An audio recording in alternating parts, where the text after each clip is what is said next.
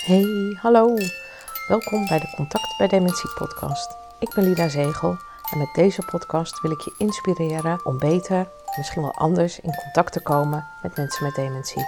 Bijna dagelijks denk ik daaraan. Ik maak mooie dingen mee, ik hoor, ik lees, ik zie van alles. En alles wat ik daar uithaal of hoe ik erover denk, wil ik met jou delen. En dan hoop ik jou ook te inspireren en uit te dagen om eens op een andere manier naar contact maken te kijken en misschien ook te gaan doen. Ja, daar gaan we weer. De podcast na de honderdste podcast. Ik vind het ook wel leuk om te vertellen dat er mensen zijn die heel veel luisteren.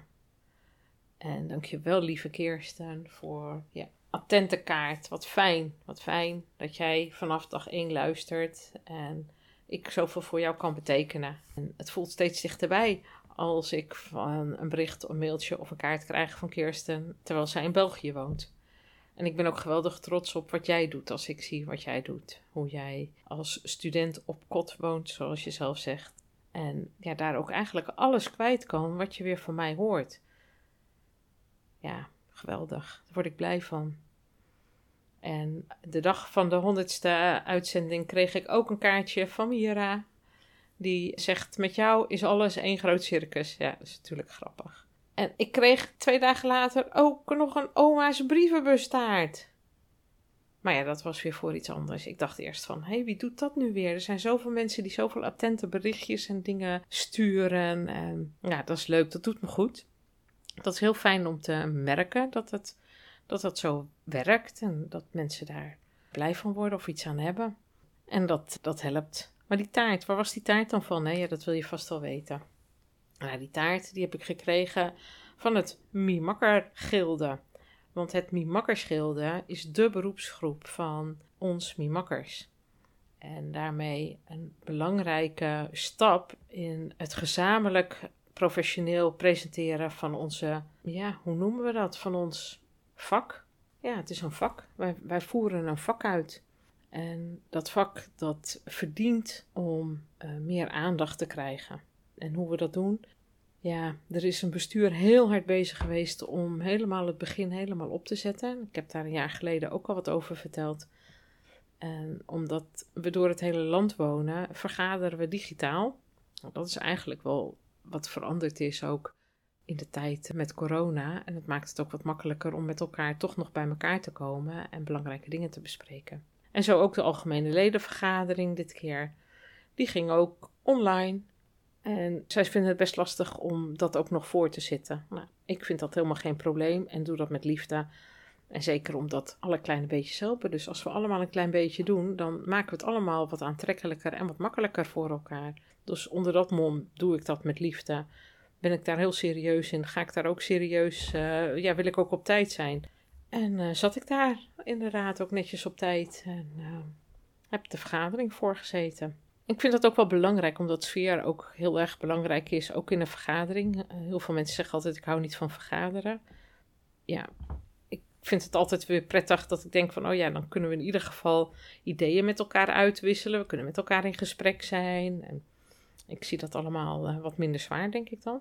Maar die sfeer is wel belangrijk. En die sfeer die maak je ook als voorzitter of als groep mensen bij elkaar. Je hebt altijd trekkers daarin. En ik ben een van die trekkers. En ook al zeg ik van nou, dat, het wordt me te veel om in het bestuur te zitten. Maar ik kan op deze manier kan ik heel goed helpen. Die trekkers die, ja, die zijn gewoon belangrijk. Je hebt trekkers heb je nodig.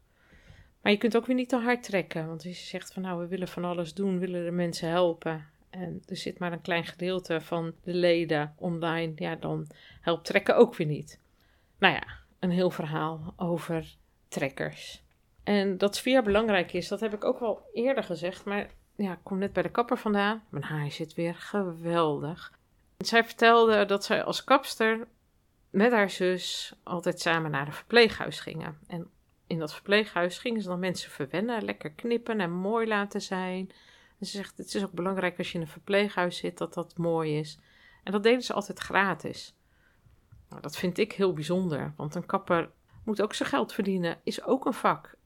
En wat me opviel, wat zij zei, en dat was dus eerder al zo, en dat is misschien wel steeds meer zo dat er verwacht wordt dat je ook allerlei dingen gratis doet, maar dat er dan ook allerlei eisen aangesteld worden. Kijk, we begrijpen allemaal dat het niet vrijblijvend is, maar ja, ook daar is sfeer dan zo belangrijk. Zij zei ook van ja, ik moet altijd eerst even kijken, want als, nou laten we er zus noemen, als zus werkt, nou dan weten we al hoe het gaat. Oh, zouden jullie dan komen? Nou, daar weet ik niks van. Ja, dat maakt gewoon dat mensen ook al anders in hun stoel zitten, zei ze. Ik zeg, ja, dat is wel mooi dat je dat zegt. Dat is precies wat ik in de podcast ook vertel. Als ik ergens heen ga voor mijn werk en ik zou er als mimakker moeten komen werken, kijk ik altijd wie er werken. Want het is heel belangrijk wat voor een sfeer deze groep mensen dan neerzet op dat moment. Als jij je werk doet omdat je daar heel veel liefde en aandacht aan wil geven. En dat je daar plezier van hebt om, om het op de meest optimale uit je werk te halen. Dat is wat anders dan dat je gewoon niet lekker in je vel zit en allerlei dingen moet doen. Dan zul je merken dat door jouw houding, gedrag, gevoel, dat dat heel erg overgenomen wordt door de mensen waar je voor zorgt. Die raken dan ook wat meer uit balans, wat minder opgeruimd, wat meer gestrest gaan ook wat vervelender reageren. En dat is een soort neerwaartse spiraal waar je dan in terecht komt. En dat is wat de kapster ook aangaf. Als wij daar dan kwamen en we keken van, nou, oh, werkt zus, oké. En die zegt, er, er is geen afspraak. Nou, dan zeiden we, kom, laten we eens in de agenda kijken, want dan hebben wij misschien iets fout gedaan. En dan stond het gewoon in de agenda, maar dan had ze niet in de agenda gekeken nou ja, dat soort miscommunicaties, misverstanden, vervelende momenten en reacties, dat heeft allemaal doorwerking op iedereen en alles in zo'n omgeving. Dus ook op de kapster, die zegt van ja, uh, dat is gewoon niet prettig om zo te werken. En toen had die zus had ook nog bedacht. Nou, weet je wat? Het is veel te veel gedoe als die mensen iedere keer mee naar beneden moeten. Je kan ook toch wel gewoon hier op de afdeling gewoon prikken. Of prikken. Knippen. Kun je hier niet gewoon knippen? Nou, zeiden ze, beneden is speciaal een kapsalon. Dan heb je ook niet al die haren, want het gaat natuurlijk, het komt overal. Haren knippen, dat, ja, dat, dat komt echt overal. Maar goed, als jij dat graag wil, dan doen we dat. Heel herkenbaar, zo heb ik ook wel eens. Maar aangepast aan iemand die zei: Oh, vandaag een clown? Nou, en dan? Want er komt ook iemand koken. Nou, dat is helemaal niet handig. Wat moet er dan? Ja, want er gaan ook mensen boodschappen doen. Zeg, nou, het maakt mij allemaal niet uit. Het maakt degene die kookt, maakt het niet uit. Joh, dat is helemaal geen probleem. Ga gewoon lekker je gang. Wij ontmoeten iedereen wel. Ja, en dat is helemaal niet fijn. En dan moeten de mensen die, die die boodschappen gaan doen, ja, die zijn er dan ook niet. Waarop ik voor een grap toen zei, zal ik dan maar mee gaan boodschappen doen? En waarop ze zei, ja. Ik zeg, nou, dat worden dan dure boodschappen als ik dat ga doen. Want als ik me niet omkleed, ik ga wel gewoon een tarief vragen waarvoor ik hier kom. Want dat is gewoon de afspraak die ik heb gemaakt. Nou, het is ook een van de laatste keren geweest dat ik op die afdeling als Mimakker gewerkt heb omdat zij het daar gewoon niet aankonden. En als één iemand dat vervelend lastig vindt, ja, dan, dan, dan verwatert dat. Nou, volgens mij is dat met de kapper ook zo gegaan. Want uiteindelijk kregen ze, nadat ze, vertelde ze vandaag, op de afdeling hadden geknipt, kregen ze hele boze mailtjes van hoe ze dat hadden kunnen bedenken. Want de haren zaten overal. Ja, zegt ze, ja, dat hadden wij wel kunnen bedenken. Dus toen gingen we weer een keer naar, naar de kapsalon. Toen kregen we ook nog eens een keer op onze kop dat er iemand, die was echt heel verkeerd. Ja, die was gewoon uh, geschoren met de tondeuze. Nou, ze zegt, ja, onze tondeuze was weg. En toen zeiden we, nou, laten zien dan. Nou, het zag er ook niet, echt niet uit. En, maar ja, toen zeiden we ook van, hij heeft niet iemand pronkelijk onze tondeuze geleend en dat gewoon niet goed weten te doen. Want ja, ook kapper zijn is een vak, zelfs met een tondeuze. Ja, en die sfeer en die, die, ja, wat je dan neerzet, dat is zo niet leuk, zo vervelend. Dat, ja, dat moet je niet willen. Dus het is heel belangrijk om, wat ik ook altijd vertel, van zorg dat je zoveel mogelijk van je eigen sores, van je eigen gedoe, van je eigen problemen naast je neerlegt. Even vergeet, even van je afschudt en diep adem haalt en ervoor gaat dat je andere mensen gaat ontmoeten. En ze vertelde ook dat in de kapsalon, toen ze weer in de kapsalon prikte, dat ze bij een mevrouw, eh, ja, ze zegt, wij waren altijd vriendelijk tegen de mensen, eh, waren, uh, ja, namen ze zoals ze waren, maar ook volwaardig. We zagen de volwaardige mensen, spraken altijd met ze en tegen ze. En toen zaten we in de kapsalon met een mevrouw en die was honderd uit aan het praten. En een van de verzorgenden was langsgekomen, die had gezegd, hè? Die had er echt zo aangetikt ook. Kun je tegen hun wel praten en tegen ons niet? Nou, je kan je voorstellen als iemand dat tegen jou zou zeggen: Ik weet niet hoe jij dan zou denken, maar ik schrik daar wel van. En ik kan de reactie wel bedenken. Ik snap het wel. Maar dat is meteen wat je dan ook moet zien op het moment dat je zoiets tegen een cliënt zegt. En je ziet die meteen verstarren. Dat je dan bedenkt: Oh, dat is niet zo'n handige opmerking. Want als je dat kan bedenken, dat was niet zo slim van mij, dat was niet zo handig. En je kunt dat ook zeggen, dan kun je het verschil maken. Dan kan je toch ook in dit geval misschien die mevrouw wel aan het praten krijgen. Maar ik denk dat deze mevrouw daarna gewoon weer dichtgeslagen zou zijn. Dat begreep ik van de kapster wel. En de kapster zei ook van ja, ik, ik heb ook tegen haar gezegd van nou, ik snap heel goed dat je je mond dicht houdt hoor, als mensen zo tegen je doen. Dat is toch ook niet leuk? Dus in die zin is het gewoon reuze belangrijk hoe wij met elkaar omgaan. En er zijn zoveel misverstanden doordat communicatie niet handig loopt. Alles wat jij zegt of wat je denkt of wat je opschrijft, wordt niet altijd zo door een ander begrepen als dat jij het bedoeld hebt. En als je dat kunt begrijpen, en zelfs als je het gesproken doet, kan het nog anders begrepen worden. Maar als je dan tegenover elkaar zit, dan kan je meteen vragen van bedoel je dit of bedoel je dat? Of waarom zeg je zus of waarom zeg je zo? Maar zelfs geschreven taal, ik dacht vanochtend ook van oh, ik ben heel duidelijk als ik zeg ja, ik heb het gewoon hartstikke druk, dat red ik niet. Er waren twaalf mensen die geprikt moesten worden op een locatie, maar ik weet dat zij om half tien allemaal richting de dagbesteding gaan.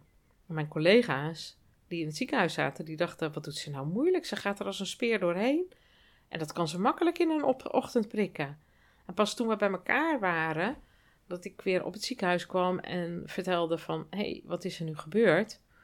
Want jullie hadden mensen bij me weggehaald, dat was helemaal niet nodig. Maar toen pas begreep ik dat zij gewoon een heel andere blik hadden op die lijst van mij die ik moest prikken. Dat ze gewoon een aantal dingen niet wisten. Nou, als je dingen niet weet, dan kun je er ook niet op reageren. Dan snap je niet waarom dat belangrijk is of wat er aan de hand is. Dus door dat met elkaar te bespreken, van nou, wat was je nou gestrest? En je vloog er doorheen. Oh, gaan ze dan allemaal, oh, dus je moet voor half tien prikken? Ja, eigenlijk wel. En ik wist dat er een moeder was die voor haar dochter zou komen, een jonge dame, het geen meisje meer. En dat die dochter het heel moeilijk vindt om te prikken. En dat die moeder daar bewust voor komt. Nou, die moet van verder, ietsjes verder komen. Is ook afhankelijk van hoe druk het is op de weg. Toevallig weet ik dan ook, omdat ik ze eerder heb ontmoet, dat zij ruim op tijd op moet staan om, om verschillende redenen. En ik weet dat zij weet dat ik vanaf acht uur kan komen. Alleen weet zij niet dat ik ook andere mensen moet prikken die nuchter moeten zijn of die geen medicijnen nog op mogen hebben. Dus zij was er om acht uur en ik was er pas om half tien. En toen ging iets voor half tien. En toen ging het personeel net bellen van, hé, hey, waar blijf je? Ja, als je gaat bellen kom je meestal. Ik zeg, ja, zo werkt het dan. Maar dat is zo lastig communiceren dan. Want zij wist natuurlijk niet dat ik twaalf mensen had om daar te prikken. Als ze dat had geweten, dan had ze daar rekening mee kunnen houden. Had het personeel het geweten. En doordat dat niet bekend was, het was in een instelling voor mensen met een verstandelijke beperking. En dit meisje is meervoudig beperkt, of deze jonge vrouw. Ja, de spanning wordt dan alleen maar hoger en groter. En als je dan ook nog moeilijk te prikken bent, dat wordt alleen maar vervelender. Dus ja, ze kan behoorlijk uit de bocht vliegen, zal ik maar zeggen, in, in reacties met bewegen, maar ook met geluid. En dan moeten er drie mensen haar vasthouden als ik kan prikken. Nou, dat is zo vervelend. En eh, uiteindelijk, als een van die schakels het niet lukt om dat goed vast te houden, dat is wel heel lastig, want um, dan, ja, dan, dan lukt het prikken ook niet. Dus ze moest echt op een bepaalde manier de hand vasthouden. En ze snapte het niet. En ik deed het voor, ze kon het zien wat ik deed en nog deed ze wat anders. En dan zei ik van, kijk, je doet dit. En de onrust dan ook, want dat, ja, deze jonge dame moest iedere keer vastgehouden worden. En dat maakte haar natuurlijk ook weer dat ze dacht van... hé, hey, ik word in mijn vrijheid beperkt. Dat is ook vervelend. En de moeder die zei op een gegeven moment... als jij nu deze arm vasthoudt, dan hou ik die hand wel vast. Zeg, dat lijkt me een heel goed idee. Helaas lukte het niet. En we gingen naar de kamer, want er werden andere bewoners uh, anders onrustig van. En we zitten op de kamer en we horen op de gang dat twee personeelsleden het niet zo goed met elkaar konden vinden op dat moment. Dat is ook niet echt bevorderlijk. Dat is niet fijn. En omdat we daar met z'n vieren om die jonge dame heen zaten en vasthielden, zei ik van nou weet je, ik ga het op een andere manier doen. Ik ga het uit de vinger doen en laat er alsjeblieft gewoon bewegen. En dan zie je dat iemand ontspant. Dat die moeder was heel lief voor haar en knuffelde er en zei lieve dingen en dat hielp. En daardoor kon ik, ik je zag er gewoon zachter worden en ja, ontspannen. En die ontspanning, die is zo belangrijk. Niet alleen bij deze jonge dame, maar ook bij al die andere mensen daar in dat huis, maar ook voor de mensen met dementie of mensen met geheugenproblemen, mensen met haperende breinen. Voor iedereen is die ontspanning zo belangrijk. En die krijg je dus door met elkaar samen te werken en met elkaar te beseffen van oké, waar doen we het voor en waarom is dit belangrijk? Dus sfeer, de kaarten, de lieve berichtjes, oma's brievenbus taart. Ja, het is zo belangrijk, want het geeft gewoon dat we allemaal af en toe even. Ja, nou maakt mijn hart een sprongetje, zei uh, een man met geheugenproblemen ooit tegen zijn vrouw als hij zijn vrouw weer zag. En wat vervolgens volgens mij ook de titel van haar boek is geworden. Dan maakt mijn hart een sprongetje. Ik denk dat we dat allemaal hard nodig hebben. Goed, tot zover voor deze week. Dankjewel weer voor het luisteren. Maak er een mooie dag van. Fijne week. Tot ziens. Doei. Ja, dat was het weer. Wat fijn dat je luisterde naar deze podcast. Super bedankt daarvoor. Want samen maken wij de kloof naar mensen met dementie minder groot. Abonneer je dan ook op deze podcast als je automatisch een bericht wilt ontvangen als er weer een nieuwe aflevering online is. En als jij een review achterlaat of een sterrenwaardering, kan deze podcast ook nog sneller gevonden worden. Hoe mooi zou dat zijn?